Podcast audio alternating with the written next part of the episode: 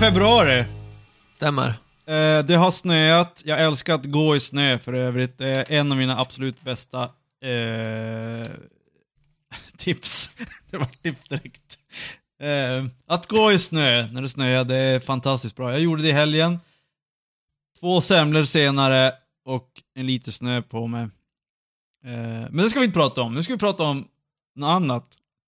Välkommen till bättringsvägen. Välkomna till Bättringsvägen. Ja, hjärtligt välkomna ska ni vara. Och jag måste säga att jag har längtat så mycket efter att få vara nakna med er ännu en gång. Gud så bra. eh, om ni missar vad jag hette så heter Niklas Larsson. Jag heter Kristoffer Marklund. Och Joel Lundmark. Och det är vi tre som är Bättringsvägen. På Bättringsvägen. Idag är vi, idag är vi ganska, det, det är tisdag när vi spelar in det här så det verkar som att vi alla tre är vid ganska god vigör. Mm. Det är ingen som är bakis. Jag känner mig lite trött men jag vet inte. Chockerande. Det är, något- det är min, eh, min manliga PMS, man, man kan ha sånt har, jag hört talas om Ah, någonstans. Någon sorts hormonell Ja. svängning. Så jag är så sjukt trött men eh, det ska nog gå bra ändå. Okej, du ska ha tagit en kalldusch. Ja, precis. Exakt. Exakt. Det kanske hade, hade gjort susen. Ja. Vi får prata Ja. mer om det här sen. Men nu säger jag att Niklas sitter här och studerar sitt Mm. glas ingående. Exakt. Eh, jag var på en eh, Coop-affär. Och vad skådade mitt norra öga? Jo, en hel jäkla eh, sån här eh, kyl. Eh, dryckeskyl. Som var full med så gott som bara kombucha. Och då tänkte Ja, var det det du skickade bild ja, på? exakt. Jag fattar ingenting. Jag bara, varför skickar han en bild på massa läsk?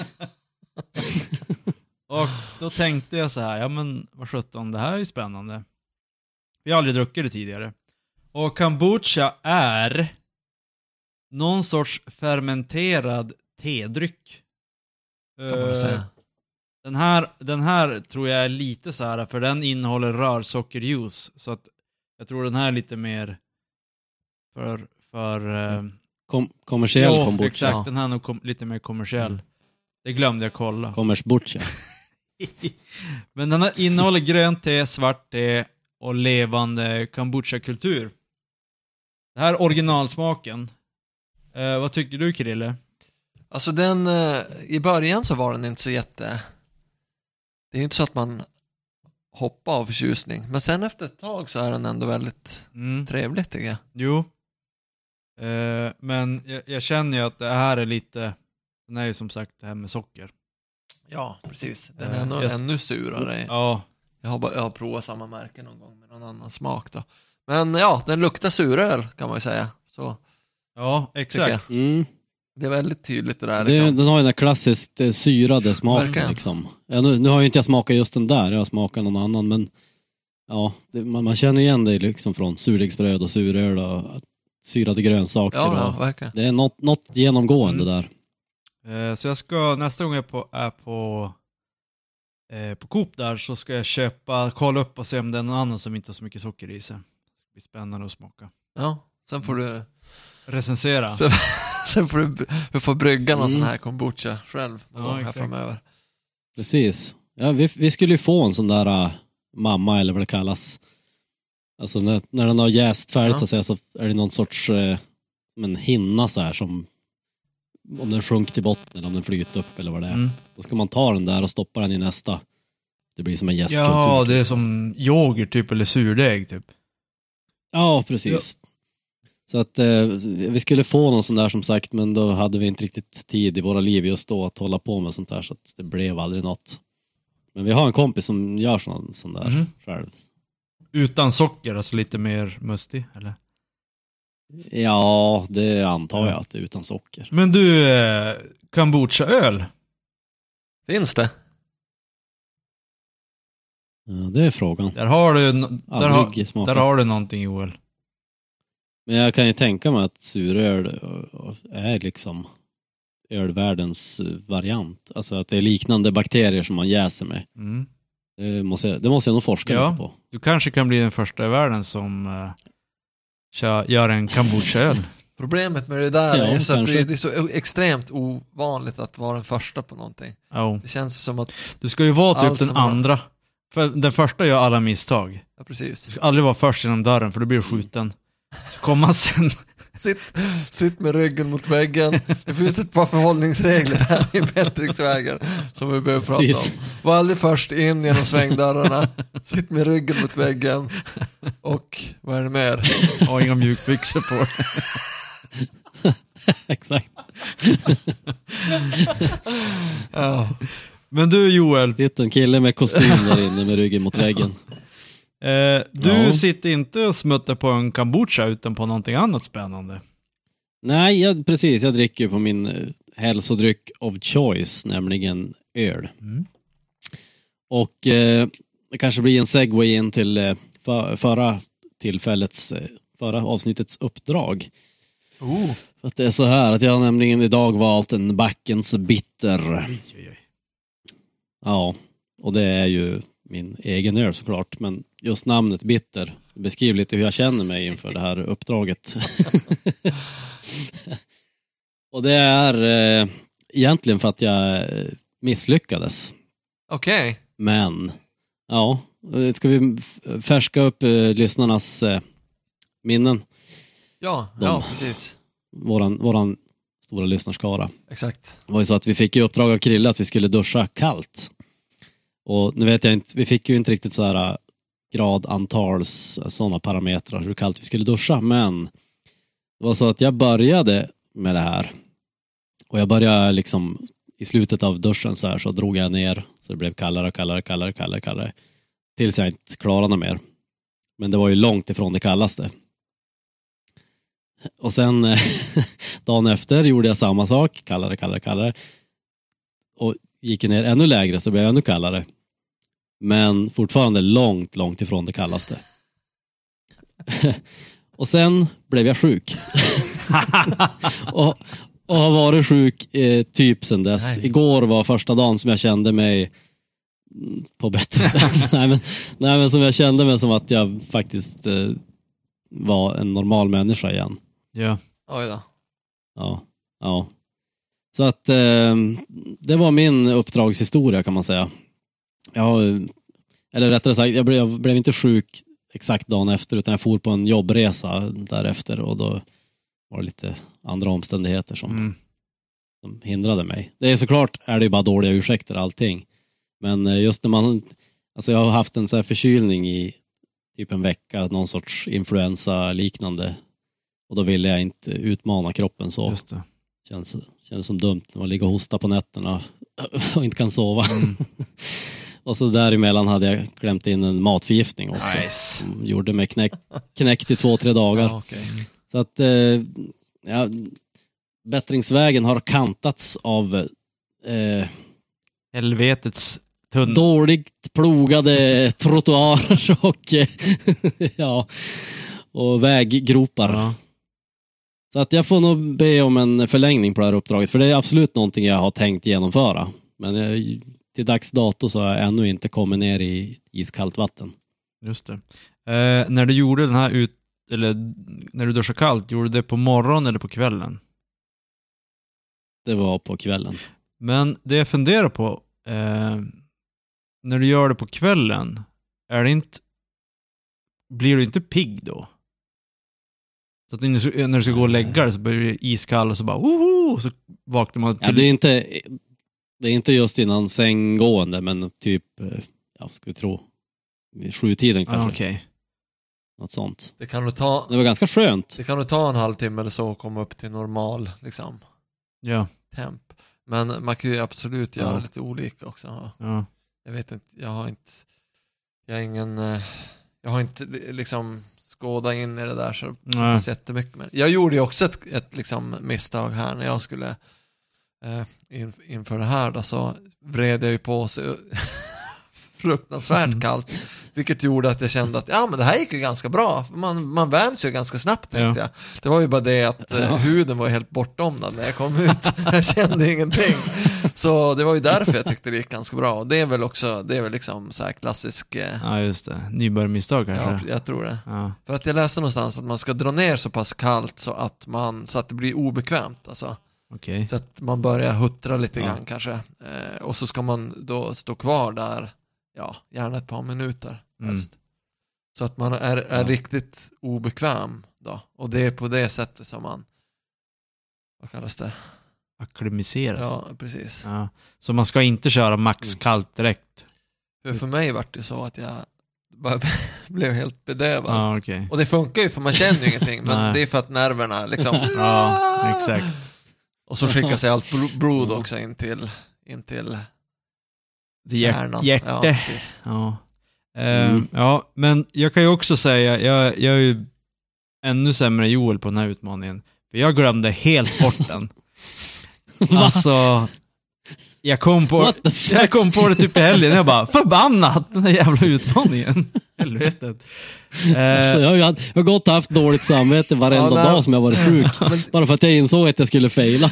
Eh, så att jag, jag ber eh, domaren om en, också om en förlängning i den här utmaningen. Alltså jag tycker att vi kan göra så här att man får eh, se den här, de här utmaningarna som ett eh, någonting som man, kan, eh, som man kan ta med sig eller något som man kan liksom bara förkasta också lite grann. Ja. Eh, för det kommer ju komma en ny utmaning här idag så, så vill man fokusera på den och sådär så jag tänker att vi kan bara ta det för vad det är och Joel jag tycker absolut att det får väl så här man ska inte gå och ha dåligt samvete det förtar ganska mycket av glädjen kring, Ja, kring nej men det, jag säger det lite Ja, skämtsamt också, men, men eh, jag känner ju, alltså, jag är ju inställd på det här mentalt och jag vill ju verkligen göra det. Ja men då, då För att, för att jag, jag inser ju att det finns ju liksom fördelar med, med det och allting sånt. Så att, eh, jag kommer ju att håll, fortsätta med det här tills jag har klarat det och sen får man se om man vill fortsätta efter det. Mm.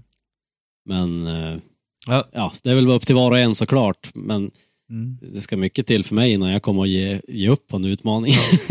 Det är ganska, en ganska häftig känsla tycker jag när man står där under kallvattnet och när det inte är sådär så att liksom nerverna, Mm. eller du vet, som man domnar bort utan jag tycker att det är en rätt häftig Mm. känsla bara. Ja, här står jag i, i, i kallvatten och Mm. duschar liksom. ja. Och för vanligtvis... Wim Hof. Ja, precis. Ja, exakt. Exakt. Ja. Eh, jag, ska, jag ska också i alla fall testa lite mer, eh, eller testa, jag ska testa en gång, jag, har inte gjort någon gång. Eh, men däremot så är jag lite rädd för att göra det för sent på kvällen för att man ska bli för pigg och inte kunna somna. Så jag ska, jag ska Ja. i helgen ska jag göra det på lördag morgon och söndag morgon.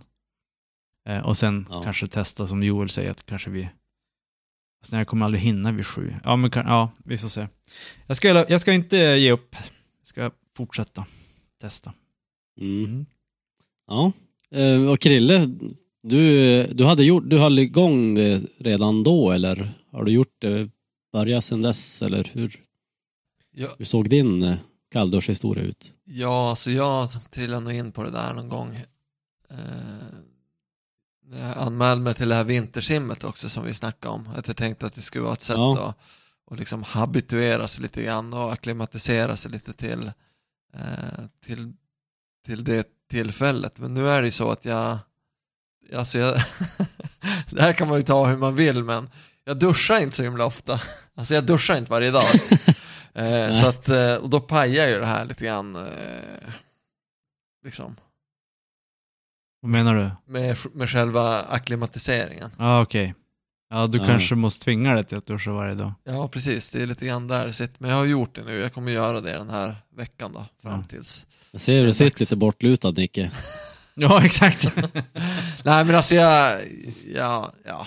Nej, jag duschar inte för heller varje dag. Jag duschar varannan dag för man ska ju inte duscha inte så mycket. Du förstör huden. Nej, ja Men, precis. men nu så tränar jag. Jag, jag svettas så pass mycket varje dag när man gymmar eller sådär. Mm, Så vill man som ta en dusch ändå.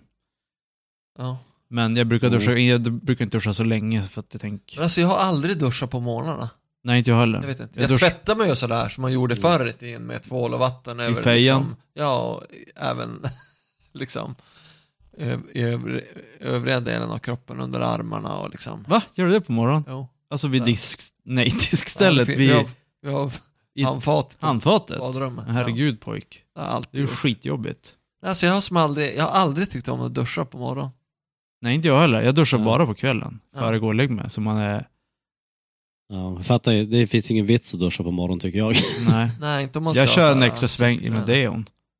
Ja, det och det, det har, det har jag helt slutat med. Alltså? Ja, men alltså jag har Jag ju, jag har ju som ingen kroppsodör, det är därför. Men har du någon kroppssvettning?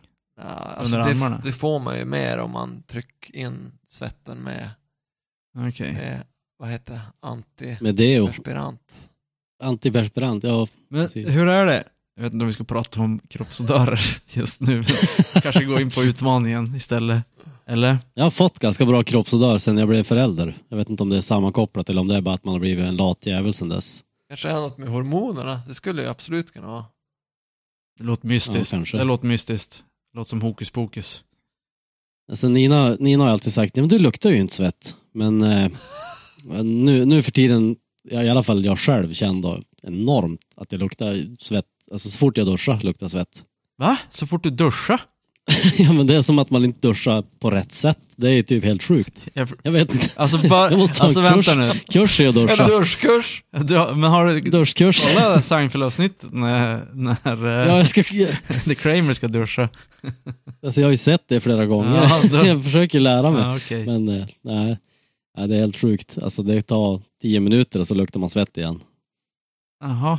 Men det, det måste ju Men vara att man vadå? har massa slagg, Så du menar slagg i kroppen. Du luktar svett, fast din dam känner inte. Och sen när du går in i duschen så börjar det lukta svett igen efter 10 minuter. Sa du inte nyss att du inte luktar Ja. svett? Ja men förr i tiden. Innan jag fick barn. Jaha, så du luktar skit efter lukt- barn? Ja, precis. Mm. Alltså förr kunde jag ju hålla igång och allt, alltså hur länge som helst utan att typ lukta svett. Jaså? Det tog ju så här två dagar in- innan man luktade svett om man inte duschade. Mhm. Jag tror att det där handlar om, om eh, ja, det här med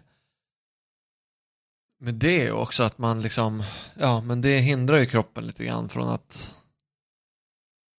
Ja, liksom jag använde ju aldrig det och förr. Nej, precis. Men nu har du börjat Alltså med nu- det för att du hinner inte riktigt med Ja. att duscha och så.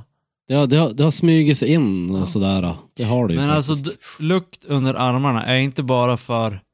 Alltså om du rakar bort allt hår, då luktar det mindre. För att själva svetten luktar ju ingenting. Utan det är ju när, när svetten kommer ut i porerna och du skiter under armarna som det börjar lukta. Du måste ha en bra tvål. Det är väl A och O, gissar Ja, alltså du måste vara ren under armarna. Ja, exakt. Men om du inte är ren under armarna, då börjar svetten lukta dåligt. Eller hur? Ja. Och eftersom man har hår under armarna så hamnar det ju mer smuts på håret än om du inte har. Om du rakar bort, om du rakar bort allt hår under armarna, Ja, men- då måste det lukta mindre svett, eller hur? Och du sve- och, Alltså, hå- håret är väl till för att sprida doften liksom. Så är det väl med allt hår. Det sprider ju. ja, och Får ju mer exponeringsyta. Ja, det är väl också- Dofter. det är väl också för att svalka hår. Och för att inte få skäv. Ja, jo det är det Det är ju. ju flera absolut. funktioner. Men alltså, Men du får ju den bieffekten att det sprider dofterna. okej. Så var, men så, okej. Så smutsen sitter inte i håret, utan smutsen sitter på huden. ja, det tror jag definitivt. Det är väl därför man ska, Ja, men- det är därför man ska basta också, för att liksom Få bort porerna öppnar sig och man, Mm. man trycker ut liksom, för du kloggar ju upp liksom porerna under armhålan Mm. om man, om man liksom trycker in eh, deo. det, ja precis. Ja, då, då stäng... du koll, du, när vi kollar på den här kombucha-flaskan här så står det en massa grejer. Men om man har kollat på en deo-förpackning Mm, någon gång så ser man ju allt vad det är. Aluminiumoxid är väl det mm. vanligaste som många snackar om att man kanske inte är så jätte... Eh, ja, det, Det är väl det som det, man vet, till ja, precis. porerna. Och man vet inte riktigt hur, hur pass, liksom, är det farligt, är det inte farligt? Ja. För det finns ju den här äh, superdeon Mm. som är anti-torr eller vad den heter. Anti... absolut tar. Absolut torr. Den, den stänger ju åt porerna helt. Och då börjar du svetta något så jävligt som händer istället. Ja, du svettas, då kom du ut på andra ställen. Ja, ja, exakt. Ja, Men jag tycker att när, du har, Precis. när man har en vanlig deo så det är ju ytterst mycket, mycket mindre du svettas bara för att ta deo. Det är ju mer, jag tänker att deo är ju till för, när du ändå svettas ut, då ska det lukta lite godare än att det luktar äckelsvett. Ja, precis. Det är ju det som är. Ja.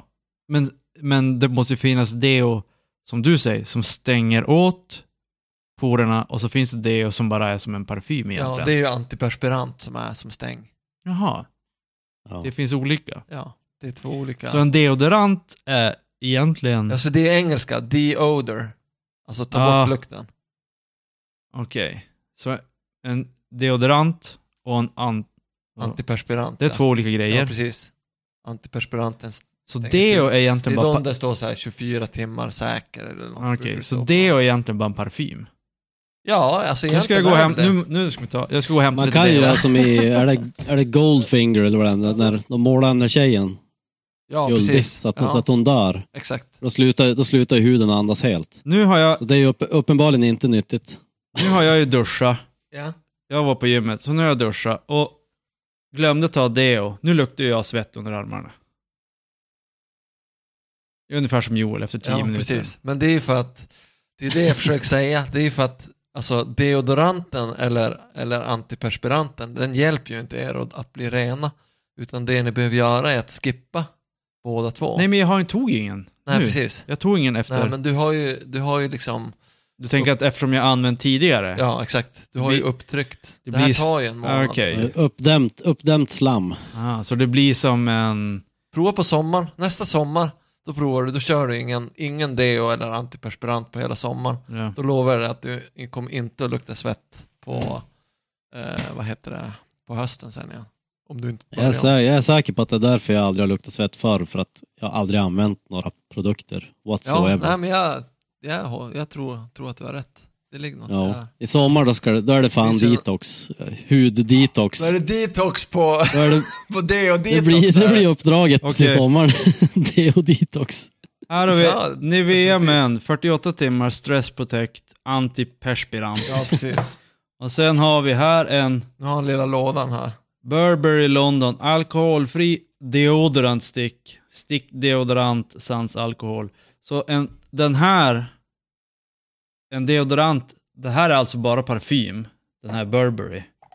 Så det är bättre att köra egentligen, om man ska ha köra någonting så är det bättre att köra en deodorant än, än en antiperspirant. Definitivt, om du inte vill lukta svett. Okej. Tack. Nu har jag lärt mig någonting nytt. And now to something completely different.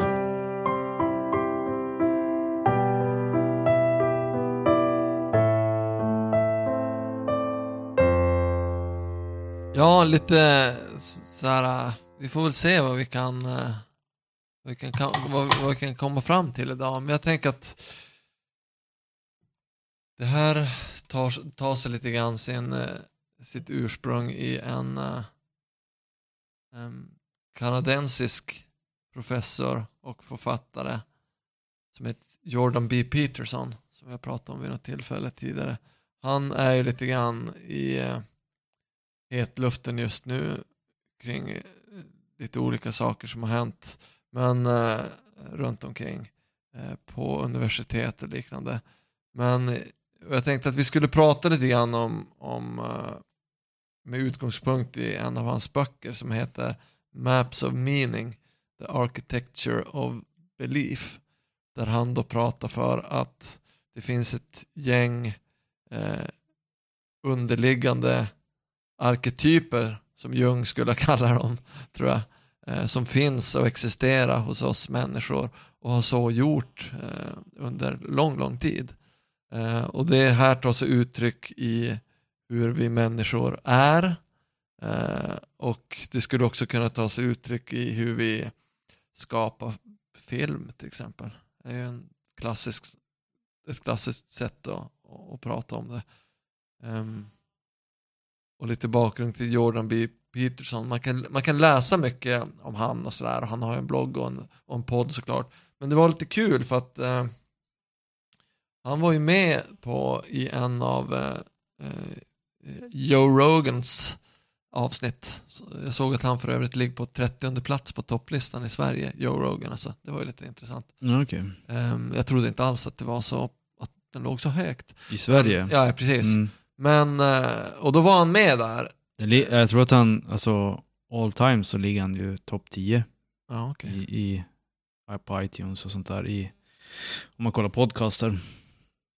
I över hela, eller i alla fall USA. Ja.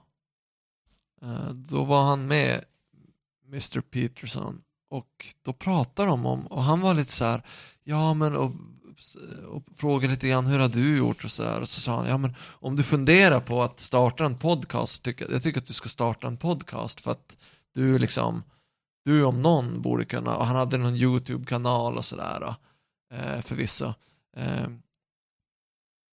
och då, då är det så kul för då fanns ju inte den här podden innan. Och jag bara, ja, det här är jättespännande. Sen letade jag på hans eh, podd då, några veckor se- senare då hade han ju dragit igång den. Och där har han lagt upp en massa material som han hade samlat på sig eh, under sin tid som, eh, som professor i, jag undrar om han är, Psykolog. ja han är psykolog och så är han ju, är det liksom då, kulturhistoria eller? Ja, jag vet Jag vet inte. 17 jag kan kolla. Ja. Det som var så skoj då var att på, i hans podd så hamnade alla hans föreläsningar och bland, bland annat en sammanfattning av den här boken då som han har hållit som en serie föreläsningar.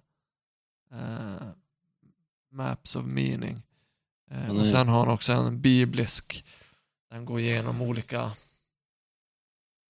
eh, Han är a professor of psycholo- psychology. just det. A clinical psychologist. Psychologist. Ja. Psychologist. Psychologist. ja. Men, ja. Så han är, ja, någon sorts klinisk Han är- psykolog. Precis. Och det var en av de bästa one-liners som jag någonsin har hört någon gång när han var med i den här eh, Channel 4-intervjun ganska nyligen som var lite ökänd. Den, kan man, den är absolut värd att kolla upp om man vill se hur det, hur det, hur det liksom eh, går till när ideologier eh, liksom, eh, är starkare än att lyssna till någon, vad någon Mm. har att säga. Eh, så den behöver man verkligen komma, kolla upp. Vi kan lägga en i show notes sen. Så kan Yes. man kika på det. Ehm, och då frågar hon så här. eh, eh, hon varit väldigt, väldigt upprörd den här intervjun. Mm. What gives you the, the, the reason to say this? Och då sa han, well I'm a clinical psychologist. Och liksom, Det var ganska på dräpande svar där. Ja, det var så, jag kände bara, oavsett om man håller med om vad han säger eller inte, så tyckte jag att det var verkligen så här, det fanns som inga åsikter, det var bara, ja, jag är klinisk psyko, Mm, alltså, jag är psykolog, Mm. ja, forskar. Är det, är det någon som har rätt att säga så, så är det väl jag som är påläst om det. Mm. typ. Ja, Fast nej det- men det, Ja. ja, vad säger du Joel? Nej men han- han hade bara ett väldigt mycket enklare sätt att säga det på. Mm. Han drog bara sin titel. Ja, Precis. Men jag tycker att det var, det är ju intressant det du säger Krille, det här med att eh, en konversation mellan någon som har ganska, eh, eller jag vet inte, den här personen har ingen aning om, hon som satt och intervjuade, Nej. men av det lilla jag har sett av hon så verkar det vara som att hon har ju bestämt sig 100% på vad hon tycker. Och hon har ju bara, hon har kanske inte ens läst hans bok utan något utdrag.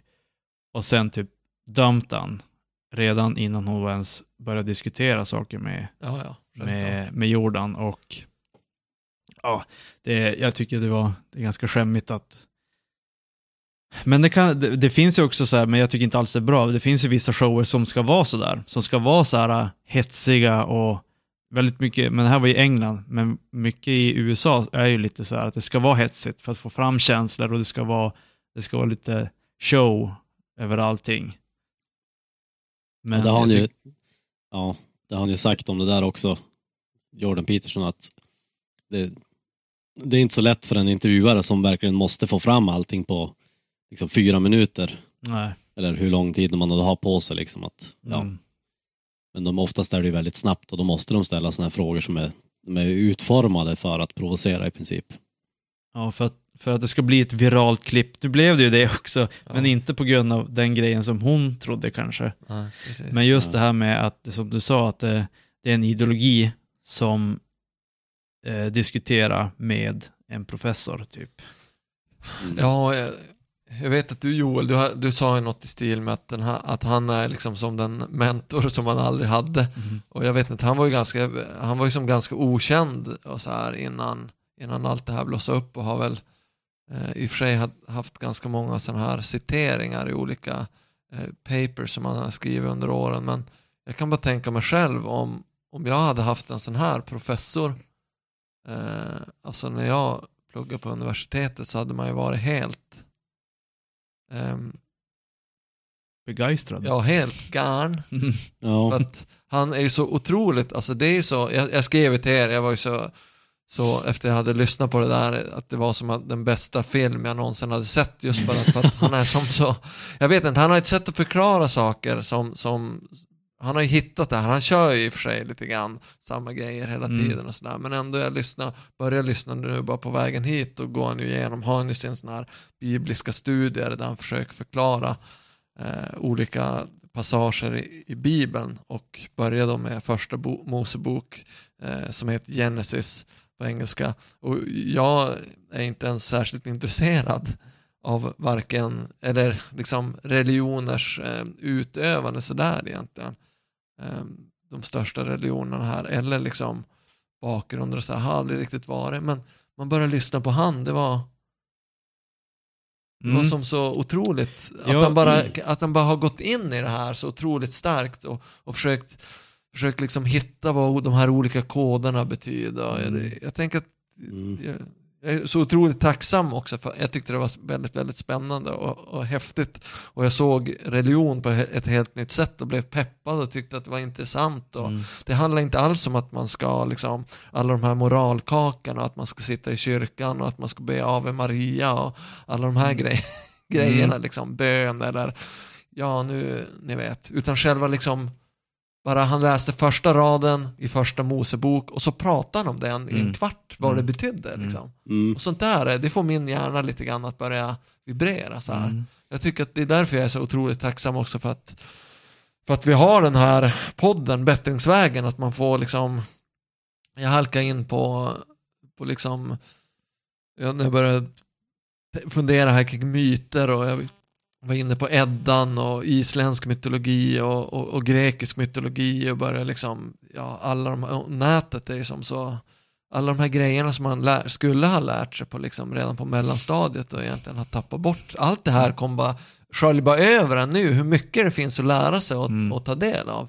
Jag tycker att det är, det är så, jag är så otroligt tacksam. Ja, jag hade ju det här med att bli in, inspirerad av en person som du sa, man hade haft Jordan eller något liknande som lärare. Jag hade ju en lärare på gymnasiet, eh, en historielärare, som gjorde mig intresserad av historia. Jag var helt ointresserad av historia innan, men han var ju så här, alltså han, när han förklarade saker, han, det var nästan som teater. Alltså han bara, ja så kom romarna, hade elefanter och du vet så här helt han hade gjort ett eget spel som han hade, vi fick spela på någon så här. Nu ska du spela så här romarna när du ska anfalla och så. Uh, jag, Efter det har jag, och det startade mitt historieintresse och efter det så har det, all, det har alltid funnits där. Ja. Och samma sak som det du sa här med religion. Jag har inte, heller inte varit så intresserad av religion och tyckt att, ja, men det är så här gamla historier som är eh, något svammel egentligen. Men, eh, Joel, du har ju bättre minne. Eh, den här killen som är eh, han har skrivit böcker om, om Is, nej, Israel, eh, Egypten. Mhm. Eh, som är hos Joe Rogan. Är det Graham Hancock du tänker på? Graham Hancock. Ja, just det. När jag lyssnar på hans, eh, Graham, Graham Hancocks eh, podcast, han har ju varit hos Joe Rogan några gånger. Och den här eh, Carlson.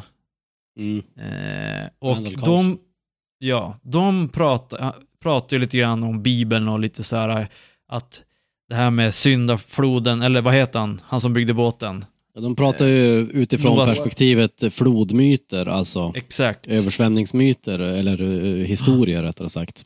Ja, exakt. Som, pratar- och att, att, att Bibeln har den här äh, Noaks, Noaks ark, eh, det här med flodvågorna, att, att, att det, den historien, det kanske faktiskt har hänt att det har Kanske inte just att han har byggt en sån där Nej, båt, men... och det de säger är ju också att alla religioner har ju flodhistorier. Mm. Alltså alla religioner har någon sorts så här flodhistoria. Så att de tar ju inte specifikt kristendomen. Och det här Nej. tycker jag är intressant för att jag är ju väldigt intresserad av religioner och har varit under väldigt många år. Och det är väl lite det jag menar också med att Peterson är som en mentor man aldrig haft i att Mm. liksom hjälpa till att tänka kring det där för han är ju så otroligt liksom påläst och Mm. utbildad kring det där och själv har man ju bara sina teorier som man försökt diskutera med folk men det går ju inte för att folk är inte öppna för att diskutera religion. Nej. För de tror att det handlar om vidskepelse bara, ingenting annat. Och tror man det, då är, alltså enligt mig så, då har man inte riktigt tänkt efter. Att ett alltså, trossystem som har funnits i flera tusen år, typ judendomen och sådana, alltså hinduismen och så vidare, Mm. de kan inte bara bygga på vidskepelse, då skulle de aldrig ha överlevt så länge. Det är helt omöjligt. Och Nej. därför så har jag, jag har verkligen törsta efter någon att diskutera sånt här med. Liksom, vad, vad, är vad, vad finns det för, för eh, sanningar i religionerna? Ja. Varför har de uppkommit och vad, vad är de liksom eh, hur har de hjälpt oss framåt? För de har ju bevisligen hjälpt oss framåt. Och sen har vi förkastat dem nu och nu håller vi på att förstöra jorden. Så att något gott har de ju haft och fört med sig. Mm. Och som sagt, nu kan jag inte diskutera med Peterson direkt, men, men det blir som att han fyller i alla de här tankeluckorna man har haft också på något sätt. Det här kring liksom strukturer och sånt som ja, som man har, har snuddat vid i sina egna tankar, men man, man räcker ju inte till själv när man inte vet vart man ens ska söka liksom en motpart att diskutera med. Eller Mm. nå, någonting att läsa i, i ämnet eller så. Så att det, jag är också väldigt Mm. tacksam att man har hittat den här snubben. Jo, jag också. Och det som du sa, Krille, där att, att du blev så här... Uh, oho, va, Mm. jaha, att han, det är typ två meningar i Bibeln när han står och pratar en kvart om det. Vad betyder det här att de, att Adam och Eva började, de såg, de såg att de var nakna och de klädde på sig. Typ hela den grejen. Ja. Och så bara, wow! Alltså man har ju förstått att det har, det har någon sorts, det är inte bara, ja du är naken, utan det vet man ju själv. Eh, sov ni nakna till exempel? Till exempel? Nej, Sov i kalsonger eller? ja. ja. Ja, Nu för menar du? för, ja, ja, alltså, nej. ja, alltså när du går nu i, i natt, Ja, precis. Nej, kallingar kör jag. ja, och det är ju för att om det kom någon jävel och bryter sig in, då Ja. vill du inte slåss med den naken. Du kan i alla fall, du har i alla fall kalsipper. Det känns sjukt mycket bättre att ha kalsipper på sig. Ja, ja. Om du ska slåss med en. Och det är därför den här fight-scenen som i den här, här ryss-grejen i London, Sagan om ringen, Voldemort, eller på att säga, Sagan om ringen, han, dansken. Viggo Mortensen. Ja, han gjorde ju någon film där han slåss naken. Ja, ja, just det. Ja. Ja. nu vet jag vad du menar. Och det, det är det som gör den, de, de, den scenen när han slåss naken så, så kraftfull. Ja, just det. Att han är helt natchen. Han slåss ändå. Så du me me menar du då att man, om man, det, om man har, alltså kan man sova naken så har man också en, en liksom, en trygghet i, Då att jäk... man är mer trygg på något vis eller? Ja, Jag tänkte. Ja, alltså jag gillar ju inte att sova Nej, alltså man kläm, pungen kläms ju. Jag vet inte. Det Är naken? I kalsongerna? Nej, när man sov När naken. man sov naken. Ah. Den Ja, kläms ja, ju precis. på olika sätt. Det Ja, kanske bara beror på att jag är 40 och min pung börjar hänga lika mycket som... gubbpungen.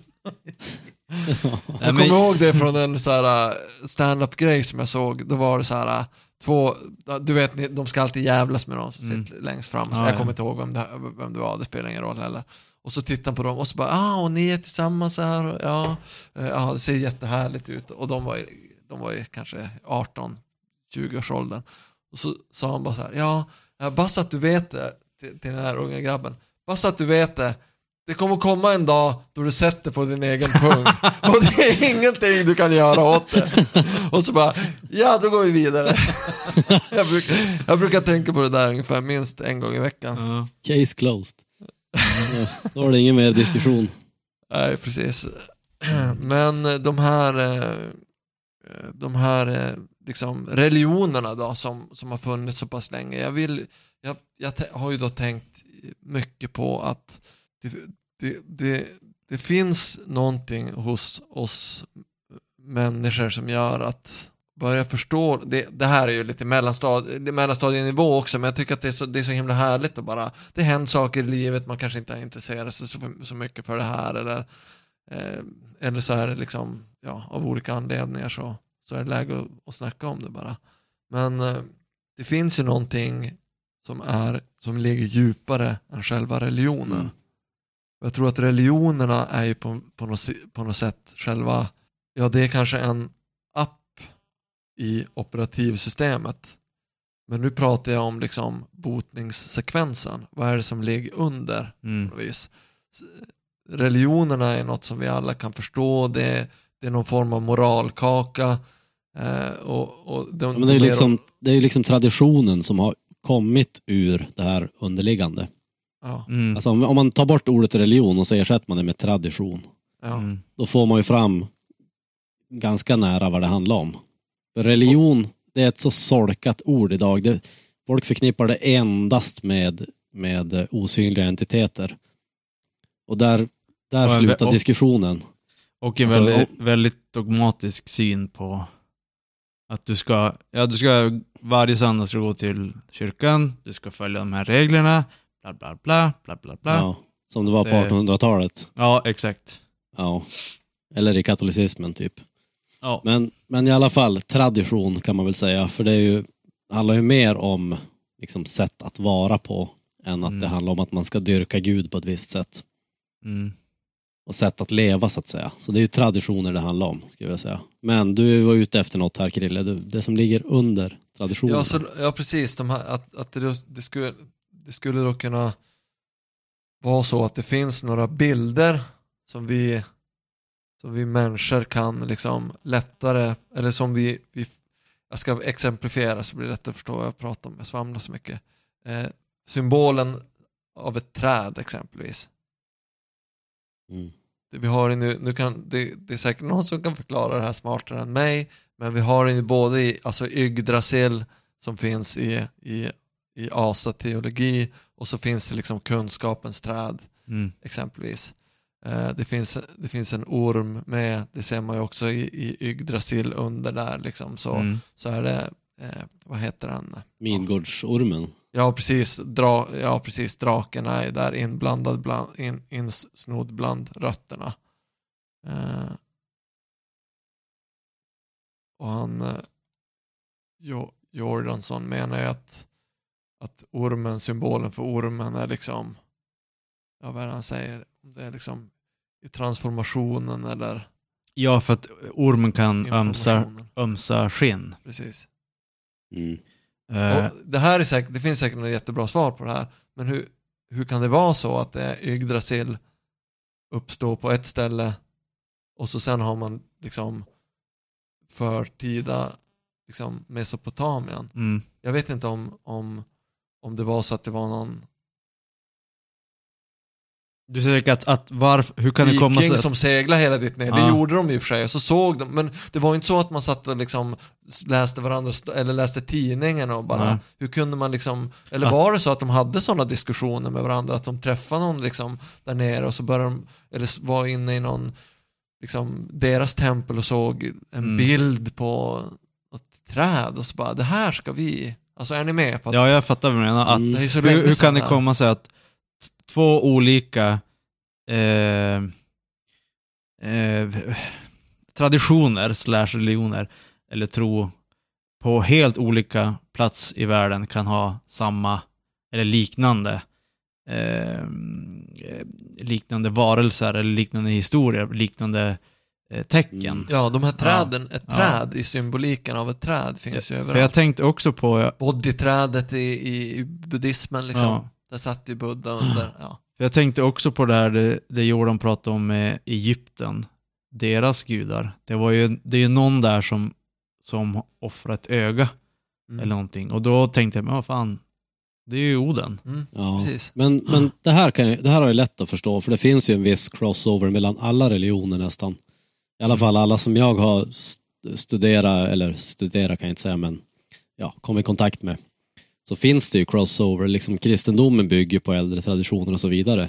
Så den biten, kan, den biten kan jag förstå. Men, då återigen, alltså kärnfrågan här är ju då, varför har de fått en ny form och överlevt resan till ett annat land? För menar, nu har ju folk rest i alla tider och tagit med sig saker från en plats och vi har ju inte bott i Skandinavien i alla tider utan vi har ju kommit söderifrån någonstans och Mesopotamien är ju flera tusen år gammal så att Mm. jag menar det är ju äldre än vad våran vistelse här är. Så att Mm. någonstans har det ju säkert kommit därifrån traditionen. Men varför valde man att, om man nu ändå skulle skapa en ny religion. Visst, det är enkelt att ta till sig, eller liksom när man, när man frälser ett folk så att säga, som när kristendomen tog över i Sverige så att, Mm. eh, vad, vad säger man, tog över ju många, många asa-grejer. Att typ midsommar finns ju kvar, julafton är ju midvinterblot före detta, liksom, att man firar solens återkomst istället för Jesus födelsedag Ja. och sådana grejer. Så att det, det är ju, Det är väl kanske, ju. det, är väl Men- kanske det att det är lättare att få med sig folket. Jo, precis. Det är ju för att, det är för att förlätt, underlätta för folket och det ska bli liksom Övergången. Ja, det är typ Gud, Gud, Gud som Gud liksom. Det, är lika, det är lika bra att ni säger att ni är kristna, annars dödar vi er. Mm. De bara, ja men det låter ju som typ samma sak, då går vi med på det. Men ändå, om man nu ska hitta på en helt ny religion för att, vet jag, göra sig ett namn eller någonting. Varför behåller man då samma teman? Det är ju det som är kärnfrågan tycker Ja, jag. exakt. Är det, för att tror det, ju- är det för att det slår an en djupare ton i oss, Krille? Vad känner du för ormar? Det skulle kunna vara ett, eh, men jag, jag, jag tänker att det finns ju en del, eh, man har tänkt så här, ja men eh, buddhismen till exempel, den är inte, alltså det här är ju ett extremt stort ämne, jag tänkte att vi, att vi ska liksom försöka eh, förhålla oss lite kring de här eh, bilderna då. Religion i generella termer är ganska, det kan vara lite svårt att navigera i det ibland. Men Ja. ibland har man ju sett, liksom, det finns ju en del som ser på buddhismen som lite mindre dogmatisk och så vidare. Men sen finns det alltid grupperingar inom grupperingarna och så vidare och till slut slutar det ändå alltid med att det finns någon dogmatisk jävel som Mm. vill att det ska vara på ett visst sätt och så vidare. Ja. Han den nuvarande Dalai Laman är, är, är ju tydligen, alltså det pratas ju en del om att han inte är så himla Ja. trevlig och han ser alltid glad ut men att han är ganska liksom ja, jag vet Ja. inte. Jag ska vill ha det inte på sitt kasta skit- Ska inte kasta skit på han. Vill du ha något så jävligt jävla klina poddar? Gå in på podcast.se. Podcast med K. Alltså det här med, ja, det är också det här spännande med att det finns en att det finns någonting tilldragande och någonting frånstötande i saker samtidigt. Eh, det var ju det här exemplet med schimpanserna, om, man, om Mm. schimpanser får se en orm då. Det är också intressant att det är just en orm. Varför är det en orm då? Det kan man det kan man ju både se, alltså det, det är antingen eh, liksom biologiskt eller, eller kulturellt och kulturen har funnits väldigt, väldigt kortare även för schimpanser tänker Mm. jag att man har habituerats på olika sätt då. Där hade han ju exemplet där med trädet och, Mm. och schimpanser. Att schimpanserna är uppe i trädet. Och de, för då kan de se var ormen är. Precis, men, Faran. men, men tanken är att man, att, man, eh, att man springer bort från någonting och liksom samtidigt måste titta på det. Ja, det är ungef- ungefär som när, en, när det ett hus som brinner. Som man hade som exempel. Eller en bilkrock. Ja, eller att gråtrunka. Ja. Du, liksom, du gör något med dig själv samtidigt som du lids och liksom tillfredsställer dig själv. Jag vet inte. Det är något, det, alltså det här, det, det, finns, det finns två, man pratar ibland, du som är, som är jungian Joel, nu belägger dig här med Vad var jag? du är det. Ju- Du är anhängare av, av Jung, Ja, det säkert. vet vi sedan det tidigare i bättringsvägen. Ja. Eh, han pratar om dödsdriften och sexdriften, eller hur? ja. Och det här är som en annan sån där som finns lite grann samtidigt. Alltså man skjuter ifrån sig någonting samtidigt som det är tilldragande. Den lilla döden. Vad menar du då? Petit mat. Det kan Joel. Det, Ja, lilla döden, orgasmen. Ja, ja, precis. Exakt. Ni ser ju alla de här bilderna liksom. Och där är väl också religionen att man, att de här, ja va- varför har, varför har man tagit med sig eh, samma teman och sådär. Det kan väl vara just för att det, det, det finns liksom på något sätt två krafter samtidigt. Att eh, man vill liksom man vill inte riktigt gå med på att det är en gubbe på ett moln Mm. samtidigt som det är någonting som är så otroligt tilldragande med att gå upp i någonting större. Jag tror ju mycket av det här äh, har med var, var människan kommer, att man kommer från, att vi kommer från apor, om man, om man inte, om man tror på det. Jag tror att de flesta, de flesta gör. Ja, precis. Om man inte tror på något annat. Ja, Än så länge tror vi på det. ja vi säga. exakt. Ja. Ja, Nej men att, att, att typ det här med traditioner som Joel pratade om, att det kom, jag tror väldigt starkt på det som, det som Jordan pratade om, att eh, det här med att vi, vi kom ju alla från apor och att hur vi har utvecklats eh, de, som, de som inte trodde på den här ormen som låg på marken så hopp, hoppade en apa ner eller en ha- halv människa, half, half ape, half man, half pig, hoppade ner Mm. på marken och blev stungen, eller biten av den här ormen och dog. Då, de generna försvinner ju. Så att de, då blir ju bara generna kvar, de som, aporna som sitter kvar uppe i, i trädet. Jo, jo, och inte jo. blir uppe eller Mm. dödade av. Och då, jag tror ju att det sitter så jäkla djupt, allt det där som har blivit med, med, medfött eller fört vidare i gener och, och hur de har lärt upp, hoppa inte ner ungar, hoppa inte ner. Mm, mm. Och att det är så pass långt ner i vårt DNA att det, är typ, det flyter typ över hela mänskligheten. Mm. Att det, det, sitter, det sitter i ryggraden som man säger. Ja, exakt. Mm. Jag tror det är liksom kärnan av det här. Ja. Ja. När det sitter i ryggraden så, som jag hörde häromdagen bara, som jag tyckte beskrev det så otroligt, otroligt eh, häftigt kring liksom stress och när man liksom är i, ja, för jag har upptäckt det själv hos mig, hos mig själv några gånger den senaste tiden kring det här som kallas för fight or flight Mm. or freeze som man har lagt till de senaste 20 åren kanske.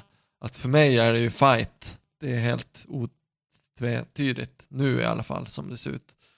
Eh, och att det liksom, jag i efterhand kan väldigt, alltså se vad som händer när eh, amygdalan, eller det som man kallar för reptilhjärnan, Mm. och ännu liksom lägre stående funktioner i hjärnan bara koppla, koppla loss.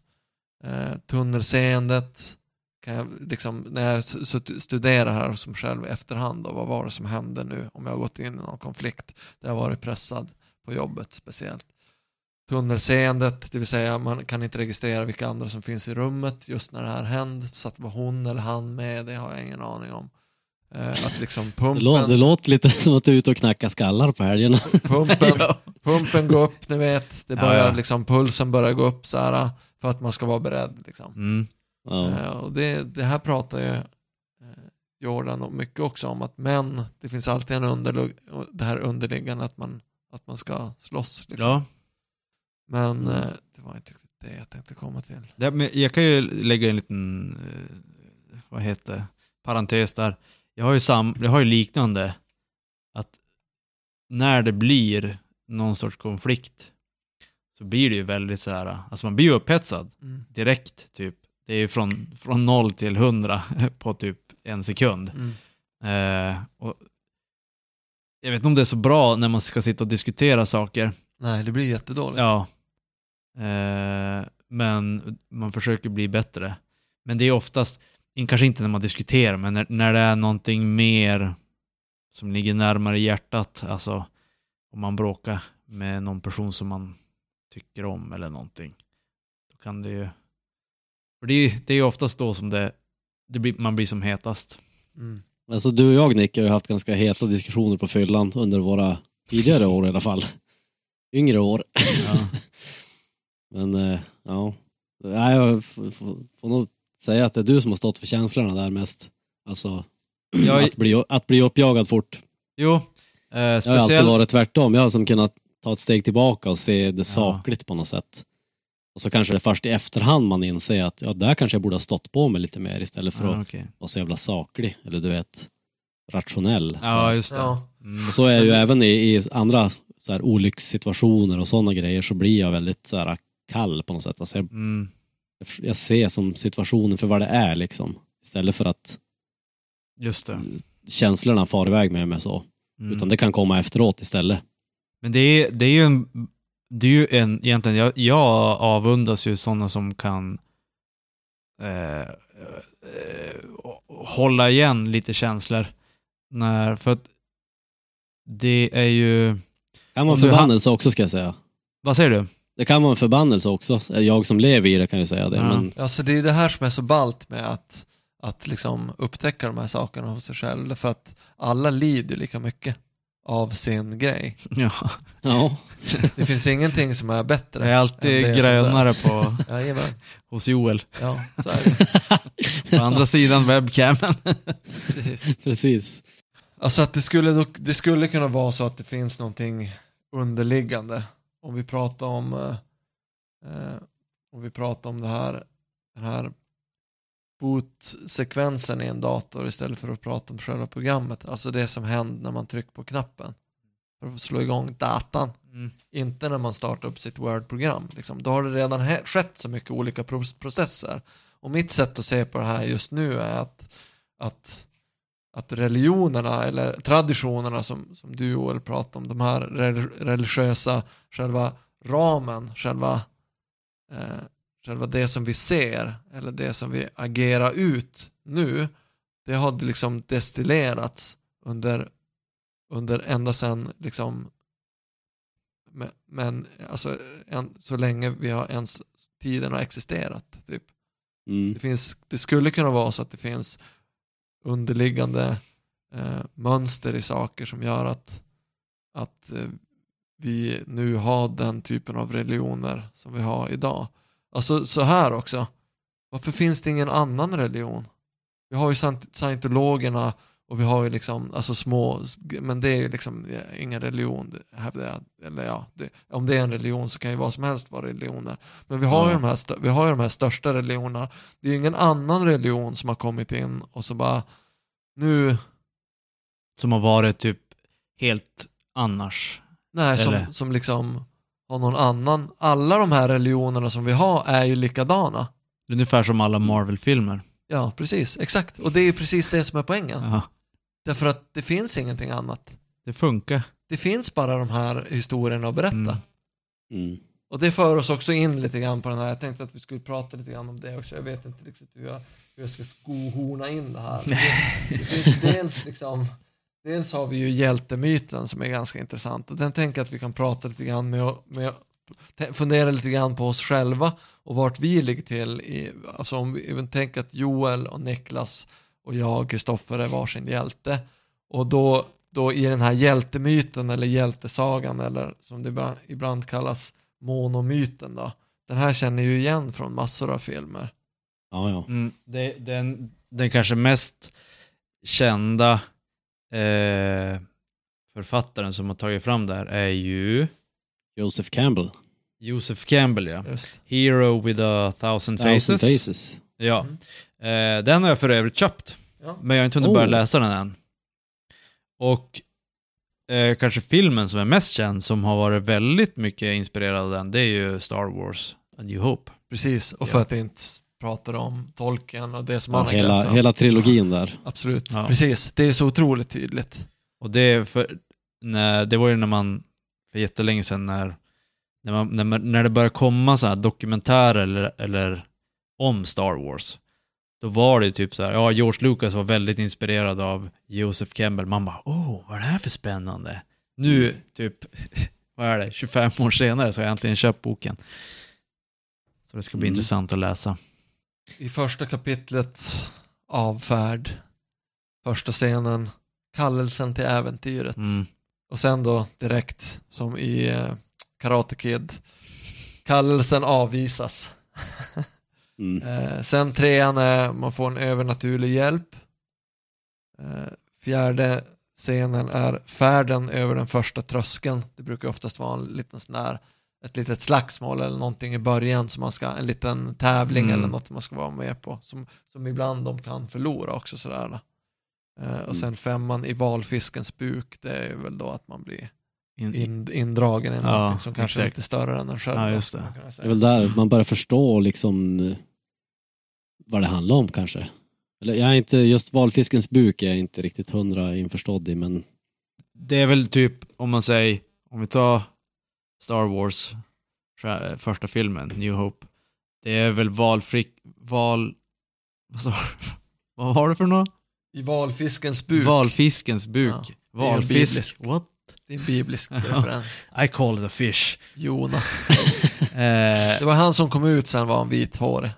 Han blev ju svald av en val. ja, han var väl där ett bra tag. Ja. Och så var han där inne och så när han kom ut så hade han vitt hår. Ja. Var det för att han var gammal? Är det en referens till att han hade varit där inne så han var så gammal? Eller var det något med själva, jag tänkte alltid när jag var barn att det var liksom valens magsafter som gjorde att han, Jaha. bara håret hade blivit vitt. Jag, Vad hade hänt med huden då? Det har jag som aldrig fattat, men ja. nej, jag har inget minne av att han hade vitt hår. Jag minns bara att jag känns, det jag har av det, han, det är att han var där typ jävligt länge. ja, ja. Ja, men det är väl det det ska symbolisera kanske, att det, det är liksom transformationen. När du börjar inta din roll som hjälten liksom. Från pojke till man kanske. Precis, ja, du växer där, det, du utvecklas. Det är typ som när Luke är på, vad heter det? Dagobah. När han är, då är han i valfiskens buk, liksom. han är isolerad från omvärlden och Just Liksom, exakt, gå- precis. genomgår sin växt, vad heter det? växtcykel på något sätt. Men det här, vad kommer efter valfiskens buk? Då är det nästa kapitel. Eh, och den heter invigning. Det börjar med prövningarnas väg. Mhm. Ja, just Det är det. ofta, ofta, I åt- i 80-talsfilmer så är det ofta ett collage då. Ja. Ja, men det är det jag tänkt på. Nej men kolla- montaget, collaget är inte valfiskens buk egentligen, alltså i kortform. För att det, det som det brukar vara, prövningarnas väg brukar ju alltid börja med att de far ifrån sin träning innan de är helt färdiga. Ja, just det, såklart. Och då börjar ju Precis. prövningarna. Liksom. Jag, jag har som tänkt på det här, för det här med hjältens resa, jag har alltid tänkt så varför tränar de inte bara färdigt? Men det är så, man kan ju inte göra det. Man kan ju inte träna färdigt för, för en verklig situation. Utan man måste ju möta den verkliga situationen för att bli helt färdig. Måste möta dartan. För det, det är ju tydligt i, i Star Wars där när han drar ifrån Dagobah. Där det är så här, hans, hans träning är inte färdig än, men ja, och så vidare. Så här, men varför, varför, varför, varför kunde han inte bara stanna lite till? Tänker man ju alltid när man ser det. men eh, det gick ju som inte. Nej, Han det var ju går. tvungen att, han var tvungen att göra det sista steget själv. Mm. Så här, man, man behöver ju alltid, eller man behöver ju en mentor liksom i träningen här, men sen så för att bli sin egen mentor så måste man ju göra det ensam. Jo, det är ju så. Det är, det är ju som med allting. Alltså, du, du lär dig ju inte... Så, alltså, du kan sitta och plugga på högskola i hur många år som helst, men det är ju först när du börjar jobba med någonting som du faktiskt lär dig. Eller typ Ja. brygger, brygga öl. Du kan läsa om att brygga öl. Kan Ja. allting teoretiskt, men innan du har faktiskt praktiskt gjort något så kan du egentligen ingenting. Nej. Du kan inte lära ut någonting i andra hand heller, Nej. om du, om du inte har gjort det själv. Så du kan inte liksom bli den här mentorn själv eller komma till nästa steg. Det finns ett, en eh, som inte passar in här. Det är ju Leif GW Persson. Han kör Han- inte så mycket med monomyten. Han, han, kör med, han kör med mytomanen istället. Ja. Nej, men han, är, han, är ju, han är ju bara teoretiker. Han har ju inte gjort något praktiskt i hela sitt liv. Han har ju bara suttit och, och forskat på, på brottslingar och sen så här suttit och, och hit, eller typ så här chansa på grejer i tv. Men alltså han, en del av hans expertis är väl väldigt teoretisk också. Ja. Det är ju sånt där man kanske inte... Man behöver liksom inte fara ut och leta ledtrådarna men för att, för att kunna förstå vad de är värda. Nej, han är, han är för tjock för det. Precis. Har du, någon, har du Joel någon sån här äh, något mönster eller någon sån här eh, symbol eller symbolik eller liksom. Jag tänker också att det här är ju ett sätt att få syn på de här sakerna. Det gör ju också att man kan att man kan för, för, för sig själv eh, bryta ner det som händer runt omkring en också på ett sätt som kanske är lättare att förstå. Både hos sig själv eh, men också liksom runt om, ja, runt om i världen på något sätt.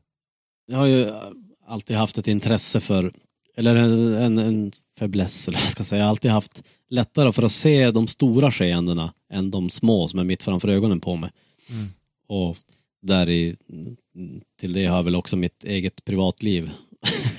ja, det tog många år innan jag såg vad jag höll på med själv. Men eh, alltså såg min egen eh, eh, myt som jag spelade upp om och om igen Ja. när det kom till förhållanden då. Jaha, du menar Ja. så. Men vad men, Medans, kan, jag, kan du förklara lite mer vad du menar med de här stora och små grejerna? Jo, men alltså jag, jag har ju alltid varit intresserad av stora skeenden och så, så här, ja, men hur trender utvecklas och såna här grejer. Alltså väldigt stora koncept om man Ja, säger okej. så. Sånt som, där som, inte, som- som, inte är personligt. just det, som kanske berör eh, en större del av Alltså- befolkningen, eller Ja, men precis. land. Som, be, som berör befolkningen i ett helt land eller som be, berör befolkningen i en världsdel eller en, en hel värld. Liksom. Ja. Så här, hur funkar sådana skeenden och så vidare. Just det. Och sen någonstans, ja men eh, runt 30-årsåldern, det var ju då först som jag började zooma in på min egen sådär, eh, alltså vad är det jag spelar upp om och om igen Mm. i, i mina förhållanden. Alltså varför, varför har de alltid samma story arc? Om du förstår. Så det var, ju, det var ju mitt sätt att se min egen så här, äh, resa på något sätt också. Och det var ju då jag ja, satte igång ett, ett så ganska stort grundligt jobb med mig själv liksom för att jag ville bryta det där det. och lyckades ju till slut göra det också. Inte, inte, det var inte en rak bana uppåt kan jag säga. Det vittnar ju, vittnar ju vissa saker i mitt liv om än idag. Men det är, ja, det är jätteintressant för att ska det, ska det till förändring så, så, så krävs det ju att, till att börja med så krävs det att man gör jobbet. Eh, och det är det som många, inklusive mig själv, ofta vill hoppa förbi. Man vill att det ska finnas Mm. någon, någon, någon enkel lösning. Genvägen, ett piller Ja. som man kan ta. Och ibland har man ju hört Precis. att folk kanske har gått till en psykolog i 20 års tid eller någonting, eller ännu värre hos en psykiatriker och fått utskrivet antidepressiva i 20-25 år. Det har jag varit med om på jobbet flera gånger efter jag Mm. haft klienter som har haft det. Och då måste man ju börja fundera på vad liksom vars, vad, är- vad, är det, vad är det för jobb som ska göras? Och du Joel Ja. beskrev ju att, liksom väldigt tydligt med det här att för att den här underliggande strukturen och den här, det här narrativet som du har gått runt i som en cyklisk berättelse om dig själv för att den ska kunna brytas så behöver du dels lägga märke till det men du behöver hitta en annan berättelse om dig själv och du behöver dessutom göra jobbet. Och det är ju, det är ju, jätte, det är, det är ju jättesvårt. Det, det Det där... var så roligt för jag gick, jag gick ju till en kurator och, och snackade med han, Mm. eh, jag tror det var tre tillfällen. Och det var ju just för att jag kände att jag, jag behöver hjälp, liksom. jag behöver en mentor då. Det var ju den mentorn jag sökte i, i att det, det så att säga, i den nya myten jag skulle skriva om mig själv då. Och eh, då, eh, jag minns någon gång när vi satt och pratade där så sa jag det att jag har kommit till en punkt där jag känner att alltså, jag, det är någonting som jag inte ser och jag behöver, alltså jag klarar, eller jag behöver hjälp med att se det här för jag kan inte göra det själv. Mm. Och då bara tittade han på mig och så sa han, du gör det här nu. Du gör det själv nu. Ja, just det. Och det var sådana ord som fastnade liksom, som jag minns. Alltså, det var som att det klickade för mig. Jag bara, hade inte fattat det innan. Jag bara, för jag var ju inställd på att någon skulle fixa det åt mig. Ja, just det. Mm. Återigen, det var ju det här, trots att jag, jag hade hört någon tidigare som hade pratat om det här med att de flesta vill bara lära sig tricken Ja. Mm. och inte lära sig någonting på djupet. Mm. Utan, alltså det är som in, grundinställning i oss också att vi vill lära oss tricken för det är så vi, ja, det har ju med reproduktion att göra och så vidare.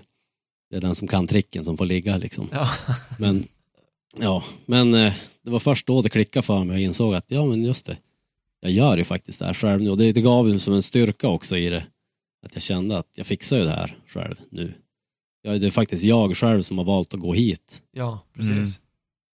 och så, ja, och så vidare. Jo, Om men det, det... var ett uttryck av din fria vilja eller inte, det får vi ta ett annat avsnitt. Exakt. Finns det fria vilja? Ja, precis. Men eh, ja, alltså det är ju jätte, ja, det är jättespännande. Ja, för det är ju just det där med det du sa Joel, att ta första steget. Att, Ja. att inse först inser du någonting. Och så sen Mm. så går du till botten med alltså forska i det själv. Först, för, först förnekar du det ju. Väldigt, Ja, ja, jo, men- väldigt, ja. väldigt länge. Men Exakt. det gjorde jag ju första 30, år, Ja. 30 åren av mitt liv. Men sen som, som den här kuratorn sa att ja men du har ju påbörjat jobbet här för du har insett någonting.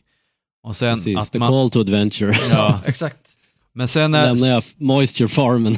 exakt. Men sen tycker jag också att det, det är lite som det här med att gå, som vi pratade tidigare om, när du, när du pluggar någonting. Om du går högskola i tre år, alltså du forskar i någonting, eller alltså gräv och så här, teoretiskt och, men det är först innan du har faktiskt förstått hur en moisture farm funkar teoretiskt, och sen kan du fara Mm. ut och börja jobba på den. Mm. Du får ritningen, den teoretiska ritningen. Och sen så får du gå ut och, och, och försöka fixa den här så att det blir lite moisture. Precis. Och det var det som vi, som vi pratade om tidigare, att det spelar ingen, ingen roll hur länge du sitter och, och plugga. Du måste ut och göra någonting också. Men först måste du plugga lite grann. Mm. Förstår ni vad jag menar? Ja, precis. Jo, det finns någonting i det här. Det fin- alltså jag har ju alltid varit en ganska teoretisk person, eller jag ska åtminstone säga att jag har varit en ganska, liksom, en person som har eh, tagit in ganska mycket skrivna ord. Mm. Jag har läst väldigt mycket. Men sen hörde jag någon gång om att liksom den muskeln som du flexar när du läser mycket Mm. Det är ju liksom den här arketypen, återigen alltså, det, det, när jag, när, det, det här är som när man börjar prata om saker, så får man på sig de här glasögonen, då kan man liksom aldrig Ja. inte se dem. vet. Exakt. Som den här bilden med vasen och ansikten eller vad det är för något, svart och vitt om ni har sett den. Ja, Det som, och antingen så ser man en vas eller så ser man två ansikten ja, just det. Ja, just det. Ja, just det. Och jag tänkte att det här har ju, det har ju liksom alltid funnits med arketypen kring den här glasögonormen som är tanig och blek eh, och de slår, slår, händ, alltså slår böckerna ur händerna på Ja, ja. amerikanska high school-filmer. Liksom. Jag såg en bild på mig själv från när jag var liksom så här 13-14 och jag bara, mm, ja men jag förstår lite grann. liksom, Mm. en hemklippt frilla, ett par ganska billiga briller hade liksom ingen så här, ingen, jag hade som ingen koll, ni vet. Mm. Jag satt och läste böcker och det var det jag gjorde och det liksom, Mm. men man behöver, samtidigt som, man, som det är väldigt bra att ha den här teoretiska sidan så behövs den backas upp med lite Ja. brottning liksom. Ja, men exakt. Och det är återigen så här, vä- vänster hjärnhalva, höger Mm. hjärnhalva såklart. Men för mig var det väldigt skönt att bara säga, ja men okej, nu har jag läst, eh, alltså, liksom, jag vet inte hur många sidor, men så här 10, 15, 20 böcker per år sen jag var i bokslukaråldern, där, hur gammal är man då? 10? Så säg 30 år då kanske Mm. kanske är dags att göra någonting annat. Ja. Sluta läsa så mycket om saker och kanske verkligen Göra någonting. gör, alltså, göra saker. Ja. Inte för att det är något fel, ni förstår. Jo, jag, jag fattar exakt vad du menar. Och det här har vi pratat om Mm. tidigare.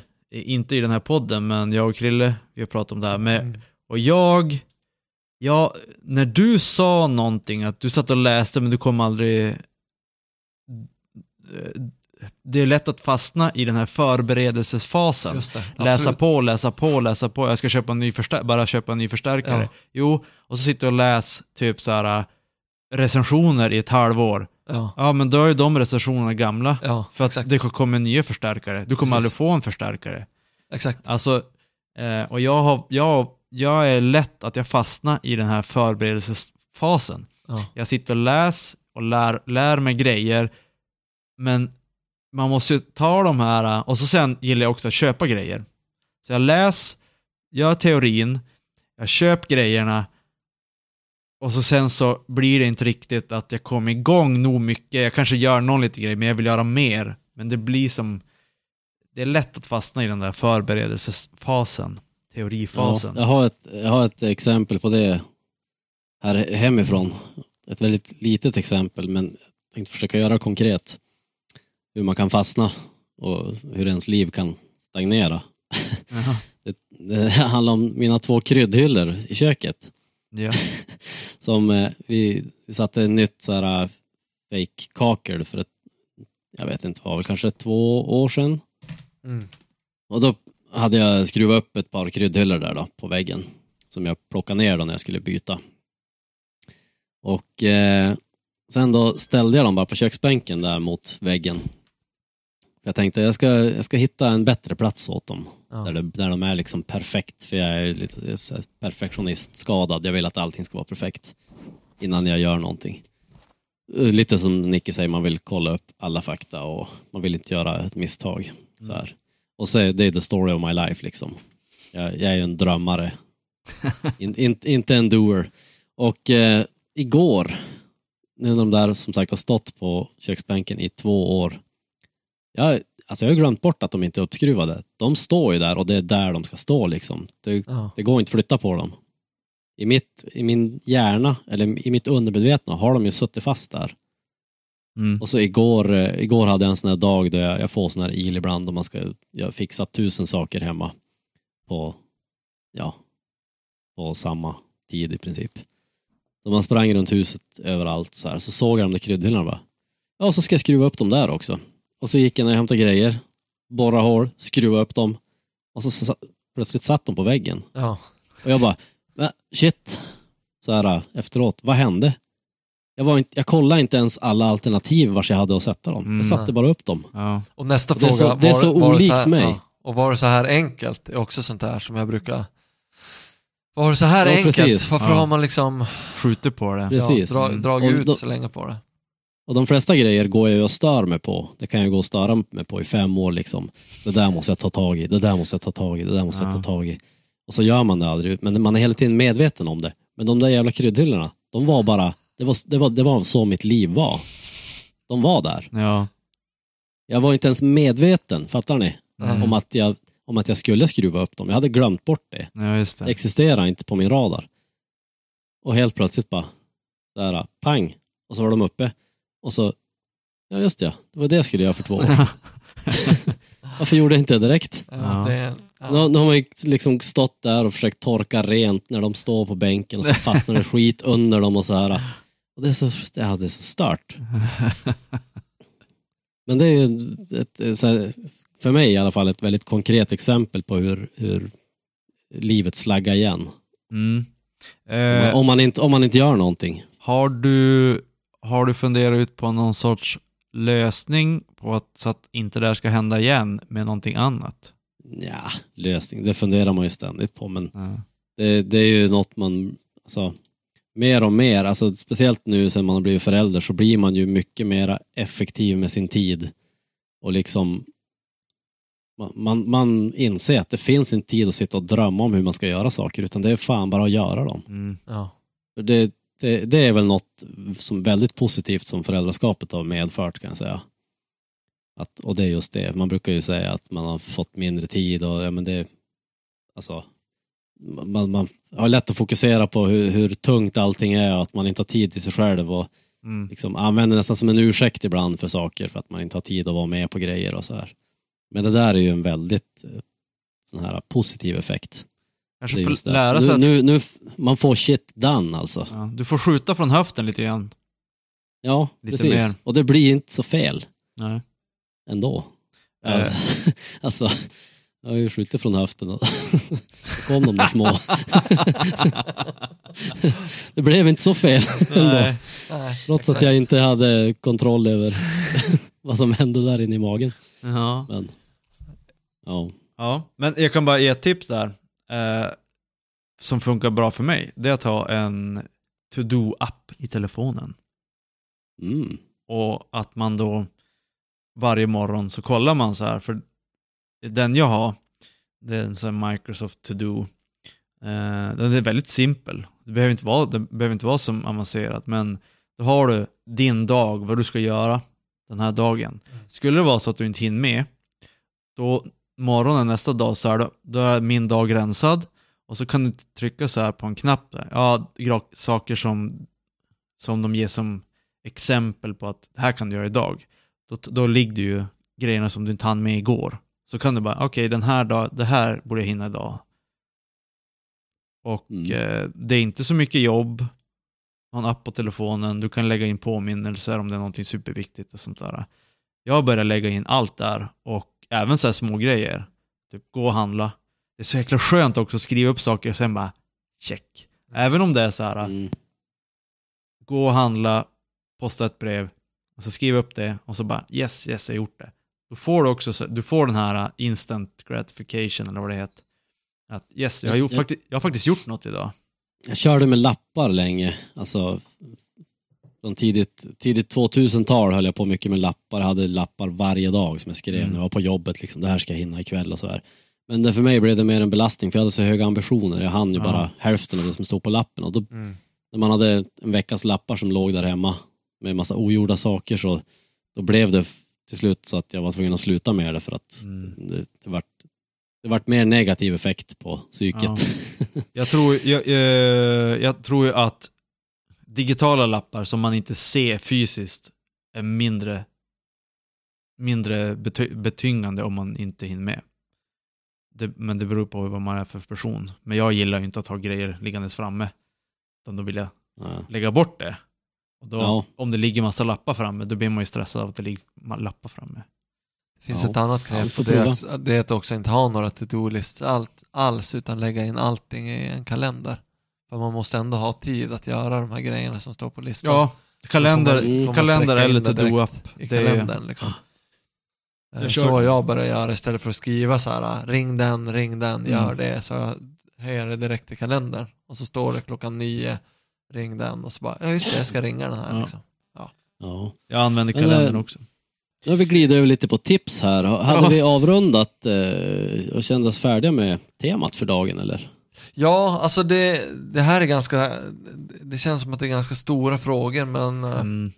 Eh, Absolut. Mitt, eh, min tanke var väl ändå att, att försöka hitta något, eh, eh, försöka nå fram med det här tänket att det skulle, det skulle kunna vara så att det finns ett, eh, en underliggande struktur hos oss människor genom tiderna och i, i många olika eh, kulturer och religioner som, som, som eh, är lika för oss alla. Om inte jättelika så, så ganska lika. Mm. Och det här skulle också kunna vara ett sätt att försöka, försöka jobba med att eh, avkoda världen runt omkring oss eh, och använda de här olika greppen som, som man kan ta till då och som man kan hitta. Hjältemyterna som vi har snackat lite grann om eh, men kanske framförallt då eh, i olika religiösa sammanhang titta mindre på själva liksom, det moralistiska bakom det som också Mm. finns och titta mer på vad försökt de här Säga. vad försökt de säga egentligen Mm. om oss. Mm. Det kanske är framtidens religion vi, vi skapar. Vi sår ett frö här. Precis. Bättre, Som, som så många bättre religionen kan den heta. Ja, precis. Nej, men det är en religion som kan förena mänskligheten. Ja, Ja, något där har sånt, vi det. Något Vi har ganska små ambitioner i den här Ja, podden. Ja, jo, Nej, men det är bra. Något Ja. sånt lär ju behövas för det håller på. Ja. Det känns lite grann som att det, det, det är en ny, ny eh, tid som vi går in i nu, både tekniskt och eh, Mm. liksom, ja, vad säger man, andligt kanske, hur människor är mot varandra och sådär. Mm. Det syns då på ett Precis. annat sätt i alla fall. Ja, Och exakt. sen när vi, när vi styrs av eh, den allsmäktiga dollarn så det, det finns ingen moral inbyggd i pengar. Och det är ju någonting vi saknar. Förr var det ju religionen som kontrollerade, om man säger skrämde och kontrollerade folket. Idag är det Mm. pengar som skrämmer och kontrollerar folket. Mm. Om man nu vill förenkla det väldigt grovt. Men det är ju så, det är ju dagens styrsystem, liksom. det är pengar. Och det som saknas, som fanns i religionerna, är ju moral. Så det är ju ganska viktigt att dryfta sådana här frågor tycker jag.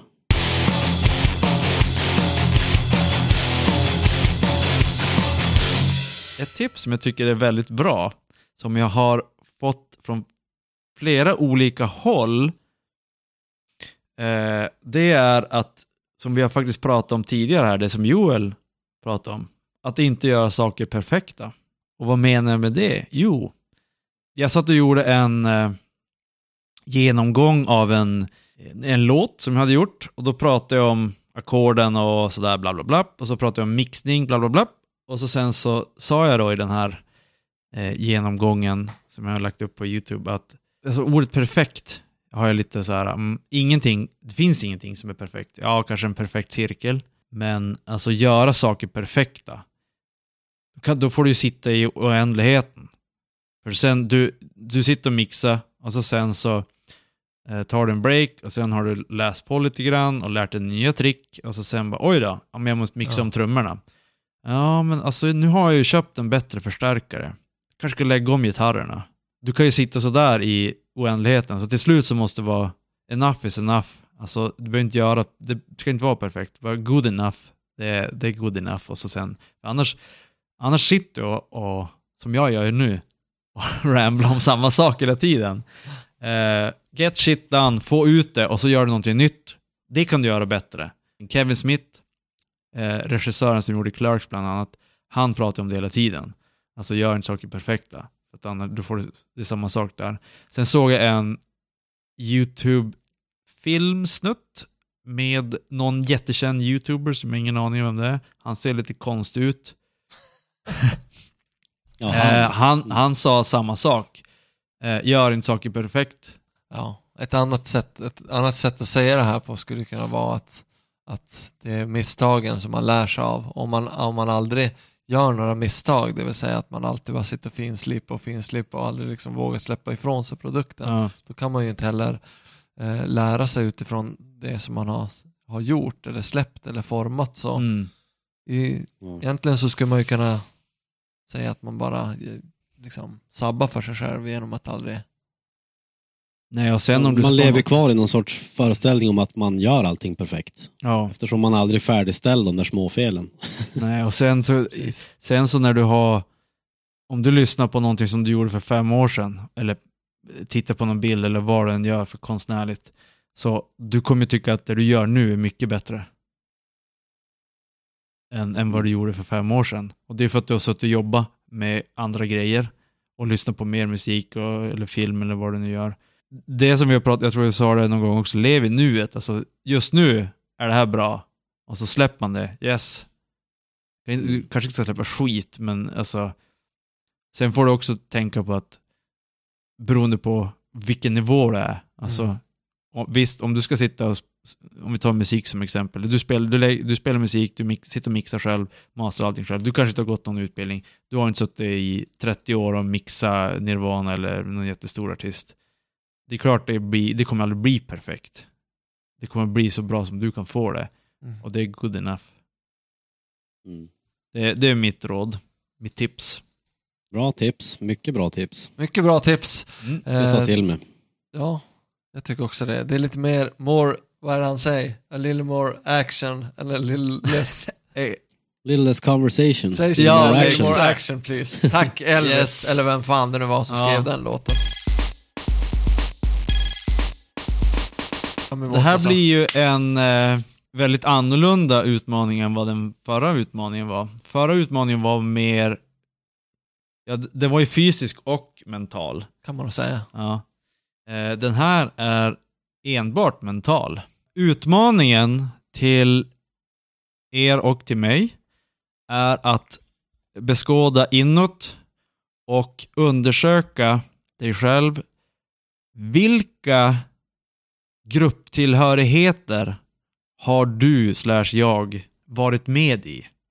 Känt dig, Ansett sig tillhöra subkultur eller, ja, eller exakt. en grupp på Mm. något vis. Shit. Alltså, Social grupp, en, alltså en grupp med människor. Alltså både en, men, en diger utmaning. både en grupp liksom rent, eh, alltså, alltså både en grupp rent fysiskt. Inte grupp som i det här bandet, alltså musikband, nej, men alltså- utan till exempel, Fot, en fotbollskille, till exempel. det är ju en typ av grupp. Det är eller typ av en grupp. Med allt vad det är. En de identitet. Ja, precis. De kulturella normerna och Ja, liksom- exakt. Ja, okej. Men då blir det ju en musiker då istället för, alltså, ja precis. Säg. Ja. Det blir inte det bandet du har varit med Inte- utan nej. du har varit en, en musiker till exempel. Vilken grupptillhörighet har ni identifierar med? Ja. Ja. och- kan det vara liksom och- för, för en kväll bara också sådana grejer eller, Nej, eller är, det, är du ute efter de större grejerna? de större grejerna. Och även har den, har den grupptillhörigheten varit för, alltså ni har bestämt det själva eller har ni upptäckt att oj då, jag är faktiskt med i den här gruppen? Ja, okej. Okej. Och så är det så här, den som har den längsta listan vinner. Den är mest, så här, Exakt. mest, mest naken inför Mest de alfa. andra. Ja. Jag, jag skulle snarare, det känns som att, spontant så, här, så känns det som att det kanske kan vara en svaghet. Alltså ju fler grupper man tillhör, desto mer begränsar man sig själv också på något sätt. Ja, det får väl säga i nästa avsnitt. Från kombucha och eh, könshygien via Gud Fader, den helige och eh, diverse olika kulturella uttryck genom eonerna till eh, en utmaning som handlar om att upptäcka vilka grupptillhörigheter vi har tillhör. Tack för oss. Ses om två veckor. Godspeed.